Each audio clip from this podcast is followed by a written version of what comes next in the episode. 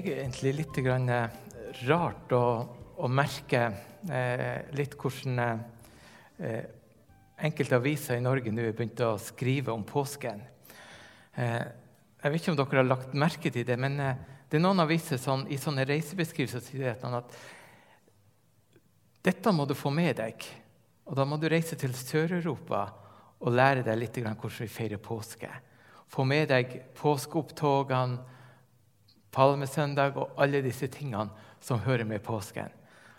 Og jeg tenker oi, det er jo egentlig litt rart. For vi som lever her oppe, vi har jo litt sånn mest fokus på dette at påske det er fri, og påske det er ski. Og kanskje en tur på stranda eller med båten og båtpuss og alle disse tingene her. Men det er jo ikke det det handler om. Det handler om noe annet, noe større og noe viktigere. Og denne teksten som Lina leste for oss i stad, om, eh, om palmesøndag, eller egentlig dagen før Jesus rir inn i Jerusalem, der han er på besøk igjen i huset til Martha og Maria og Lasarus, er egentlig en tekst som gir oss noen flotte utfordringer som vi faktisk skal eh, tenke over nå når vi går inn i påsken. Dere vet at første gangen når Jesus var i huset til Martha og Maria, så er det jo denne fantastiske fortellinga om Martha som jobber og jobber og jobber og jobber og jobber og blir liksom eh, bare sliten og oppgitt over søstera, som bare setter seg ned. Og som klarer å fokusere på Jesus og er opptatt av at nå må jeg få med meg det Jesus sier.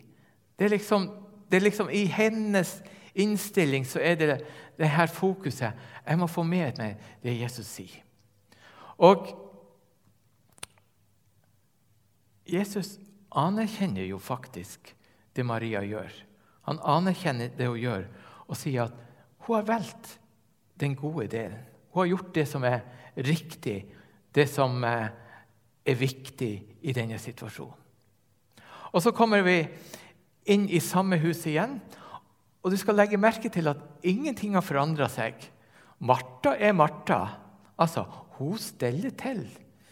Det er noe med oss mennesker når vi liksom har en natur, og det ligger i oss en måte å, å opptre på og te oss på, så er det ikke så lett å forandre den måten å være på. Og Martha har på en måte det i seg. dette jeg må få lov til å tjene, jeg må passe på at det er ordentlig, sånn at vi kan ta imot gjester. ikke sant? Alt må liksom være på stell. Martha har på en måte den naturen. Og legg merke til dette at selv om Jesus ved første anledning sier at Maria har valgt den gode delen, så er det ingen kritikk av Martha. Det er ingen kritikk av Martha i det, i det han gjør. Og så kommer Maria en gang til inn til Jesus. Og denne gangen så har hun med seg ei flaske med, med nardussalve, en dyr salve som lukter veldig godt. Og Hun knuser den flaska, og hun salver Jesus. Og så skjer akkurat det samme som skjedde forrige gang. Der noen ville kritisere Maria for det hun gjorde, der Martha kritiserte Maria for det hun gjorde, så er det nå Judas som griper inn og kritiserer Maria for det hun gjorde. Altså Det er jo uhørt å sløse på den måten der. Hadde det ikke vært bedre at vi tenkte annerledes? Hadde det ikke vært bedre om vi hjalp noen ut av de fattige, de nødlidende, de som virkelig trengte hjelp, istedenfor bare å sløse på denne måten her. Det er jo det Judas sier. Nå sier Skriften dette at, at Judas sa ikke dette fordi han virkelig hadde en nød for de menneskene som, som lei, men eh, han hadde kanskje en annen agenda. Kanskje ikke så ulikt det enkelte andre også har, nemlig dette at vi skal ikke sløse, men Den sløsinga må komme oss til gode. Altså, det som vi sparer, det må komme oss til gode. Altså, vi må klare å få mest mulig til oss sjøl. Vi ser dette altfor ofte i det samfunnet som vi lever i også i dag. Og så forsvarer Jesus Maria en gang til.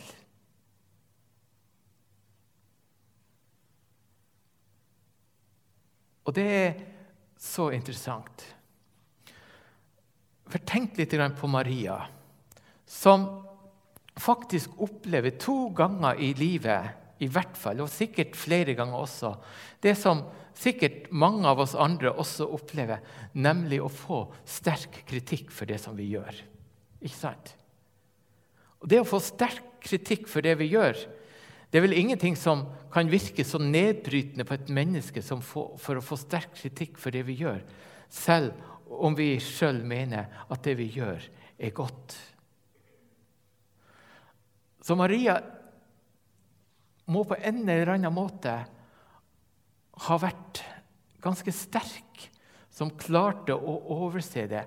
Og Jeg har prøvd å finne ut og lure på hva er det med Maria som gjør at kritikken ikke knekker henne, og ikke får henne til å bryte sammen, og ikke får henne til å gjøre noe annet. Hva er det som gjør det? Jo, jeg tror at det handler om at Maria hadde blikket sitt festa mot Jesus. Maria hadde blikket sitt festa på Jesus. I alt det som hun var opptatt av, og i alt det som hun gjorde, så hadde hun blikket sitt festa på Jesus. Og det er noe med, med dette når, når, man klarer å feste blikket sitt på Jesus og ikke på alle disse andre tingene, så klarer man også å holde fast ved det som er riktig i enhver situasjon. Det er noe med dette at det Jesus sier om det jeg gjør, det er det som jeg vil høre på. Det er det som er viktig for meg. Det er det som jeg har som utgangspunkt for det jeg gjør. Og så får de andre si hva de vil. Jeg lytter kun til Jesus' stemme. Ser du liksom Maria for deg med denne innstillinga her? Jeg lytter kun til Jesus' stemme. Og jeg tror at for Maria så var det egentlig ganske enkelt. Maria hadde virkelig forstått Hun hadde virkelig forstått Jesus, hvem Jesus var, og hva Jesus gjorde for henne. Hun hadde virkelig forstått at Jesus var glad i henne.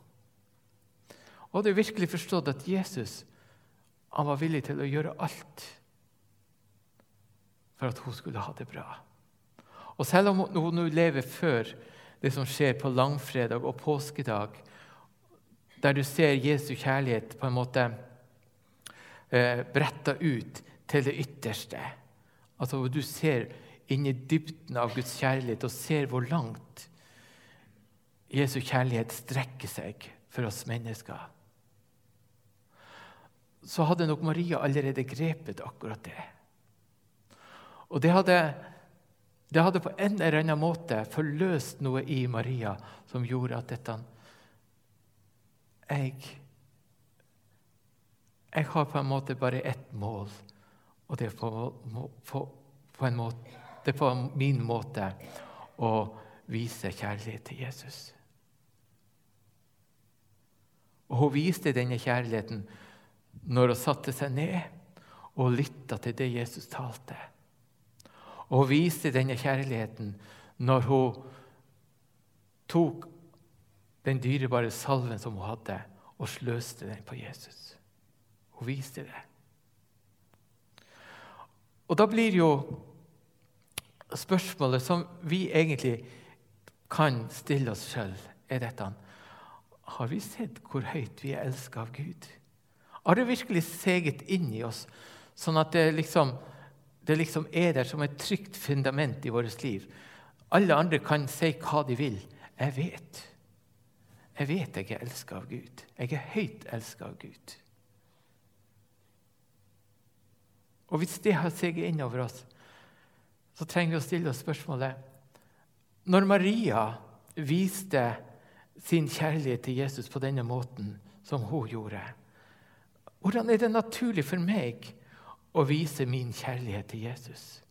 Hvordan viser jeg min kjærlighet til Jesus? Å tørre å vise den kjærligheten til Jesus uansett om de menneskene rundt meg kanskje vil kritisere meg for det jeg gjør. Jeg skal gi dere noen eksempler som jeg har møtt opp gjennom, gjennom mitt liv som prest. Jeg skal trekke fram noen, noen enkeltmennesker som, som jeg har opplevd hadde denne kjærligheten til Jesus, og som viser den på sin måte. Den første er ei dame som jeg møtte, eller som jeg hadde i menigheten min i Svolvær. Linda heter hun fantastisk dame. Eh, jeg tenkte at Linda hun var, hun var, hun var virkelig et dypt åndelig menneske. Så En gang så gikk jeg til Linda og så sier jeg til Linda eh, da vi nå kommer til slutten av gudstjenesten, kan jeg da liksom be deg om å lede oss i bønn? Og Linda sa til meg nei, ikke, ikke i det hele tatt. Det kan jeg ikke. Ja, men kan jeg da be deg om at du leder oss i Fader for? Nei, det kommer ikke på tale. Det er ikke min tjeneste.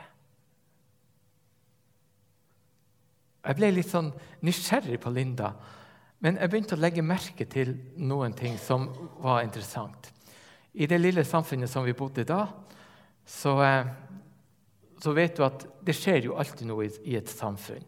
Det hender at mennesker blir syke og trenger hjelp. Det hender at uh, ting forandrer seg i livet til folk, sånn at de trenger noen som kan se dem og være til oppmuntring. Og Jeg gikk en del på besøk. Og hva oppdager jeg? Linda hadde vært der før meg. Alltid. Hennes måte å vise sin kjærlighet til Jesus på, det var å gå til de menneskene som opplevde et eller annet vanskelig. Var det noen som var syk, så hadde hun med seg litt mat. Så sette hun seg ned, så snakket hun med dem, så oppmuntra hun dem. Og da kunne hun på tomannshånd så kunne fortelle om Jesus, og hun kunne be. Men ikke i forsamlinga. Og jeg lærte meg dette, at det er så utrolig mange forskjellige måter der vi kan uttrykke vår kjærlighet til Jesus på. Eller jeg har lyst til å fortelle litt om ei som heter Rita, som, eh, som, eh, kom i kontakt med menigheten i Harstad når jeg var der. Eh, Rita hun eh, syns liksom dette at eh, det er så lite jeg kan gjøre. Det er så lite som jeg kan bidra med i menigheter og i disse sammenhengene her. Men så sa hun det at Men kan ikke jeg få lov til å ha ansvaret for å passe på at alt er ordentlig i kirka? Og så fikk hun lov til det. Og så vet jeg at i hvert fall fire-fem dager i uka så gikk hun til kirka og gikk og rydda. Når det var rot etter at speiderne hadde vært der, og alt ikke var satt på plass, så gikk hun, satte ting på plass og opplevde det som en tjeneste for Gud. Når det var rot etter at vi hadde leid ut til eh, anonyme alkoholikere, og det var sneipa utfor, eh, utfor kirka, ikke sant? så rydda hun opp. De vaska aldri opp koppene. De så ikke at det var nødvendig. Men det gjorde hun, og hun plukka opp sneipene. Og så sier hun det Det er min måte å vise at jeg elsker Jesus på. Og så er det så flott, sier hun, for når jeg kommer til kirka, så kan jeg også gå inn i kirkerommet og så kan jeg sette meg ned der og så kan jeg være innenfor Jesus og be samtidig. En annen måte å vise dette at jeg elsker deg, Jesus. Eller Elsa, som jeg ble kjent med oppe i Hammerfest. Elsa var ei flott dame. Men Elsa hadde én ting eh, som, eh, som, hun slet med. Hun hadde leddgikt. Og alle de som har vært borti dette med å ha leddgikt, vet at det er vondt. Og det er sånn at du kan ikke sove veldig lenge om gangen, så du må liksom stadig opp for å eh, bevege på leddene, og sånt, sånn at det ikke skal stivne til og det skal gjøre enda mer vondt. Og så sier Elsa til meg dette. Min tjeneste det er å våke over Hammerfest om natta. Da er jeg oppe, da ser jeg over byen. Da ber jeg for byen, da ber jeg for menneskene. Hører jeg at det har skjedd noe spesielt, så ber jeg spesielt for det. Og det er min måte å vise kjærlighet til Jesus på. Jeg har vondt, det er mange ting jeg ikke klarer. Men det er min tjeneste til Jesus. Jeg tenker det er fantastisk at det kan gjøres på den måten der. Og så kunne jeg selvfølgelig jeg kunne trekke fram mange andre eksempel.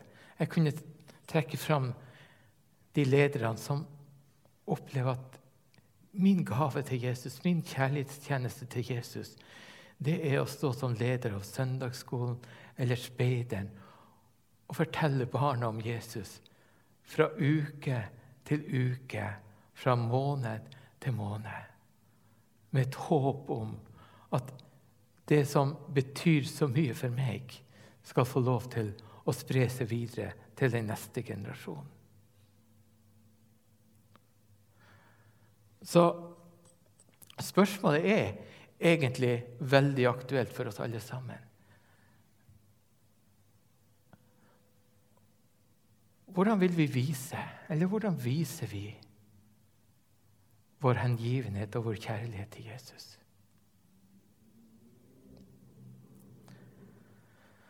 Men da vil du kanskje si å ja, det var nå greit for Maria. For Maria fikk jo lov til å være sammen med Jesus. Hun fikk jo lov til å se Jesus. Så hvis jeg bare hadde fått lov til å se Jesus, så hadde det jo ikke vært så vanskelig. ikke sant? Men det er jo ikke sånn for meg at jeg ser Jesus. Kanskje ligger utfordringa i det som Jesus sier til Judas og til Maria når han forsvarer henne. De fattige har dere alltid hos dere. Og Det er akkurat som vi kan høre et ekko fra Det gamle testamentet. Eh, jeg vet ikke hvor, hvor, godt dere kjenner Det gamle testamentet, men et lite vers fra 5. Mosebok, kapittel 15, der det står Det vil alltid være fattige i landet, og derfor påbyr jeg deg, lukk villig opp hånden for din bror, for de nødlidende og for de fattige i landet ditt. Det sa Jesus. Nei, det sa Gud i Det gamle testamentet. Og hva sa Jesus? Jesus sa, 'Det du har gjort mot en av disse mine minste, det har du gjort mot meg.' Så kanskje er utfordringa for oss i dag, når vi skal finne ut hvordan kan vi virkelig vise vår kjærlighet til Jesus, handler det om å se de rundt oss med behov. Å være noe for dem.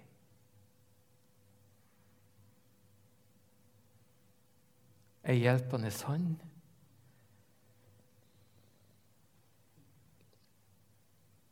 En som kommer med oppmuntrende ord. En som støtter.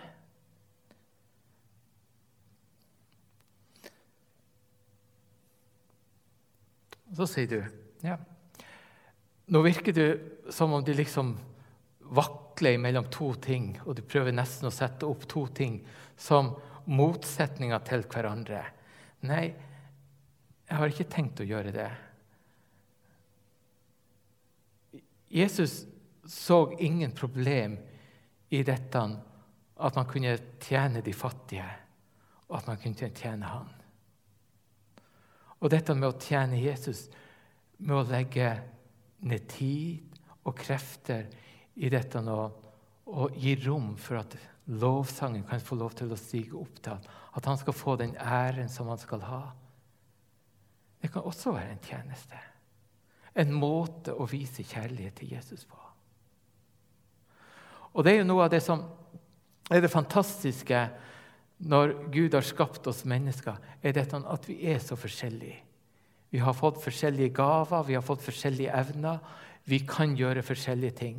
Og livet gir oss noen erfaringer eh, som vi også kan være med å bruke i tjeneste for Jesus.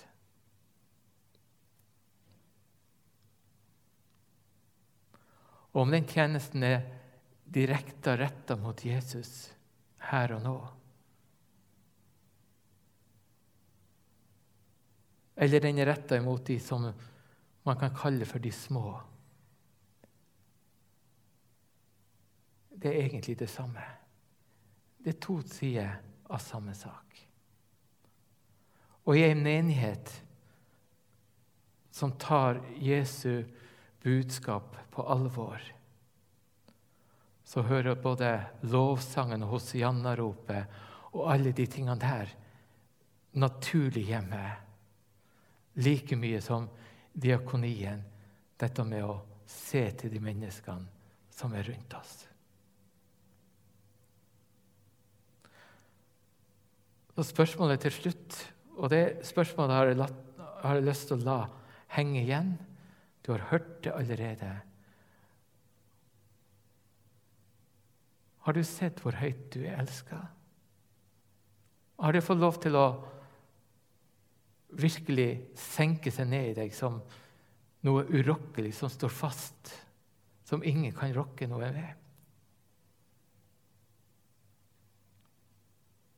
Og hvordan viser du din kjærlighet til Jesus i hverdagen og i helg? Det må du svare på.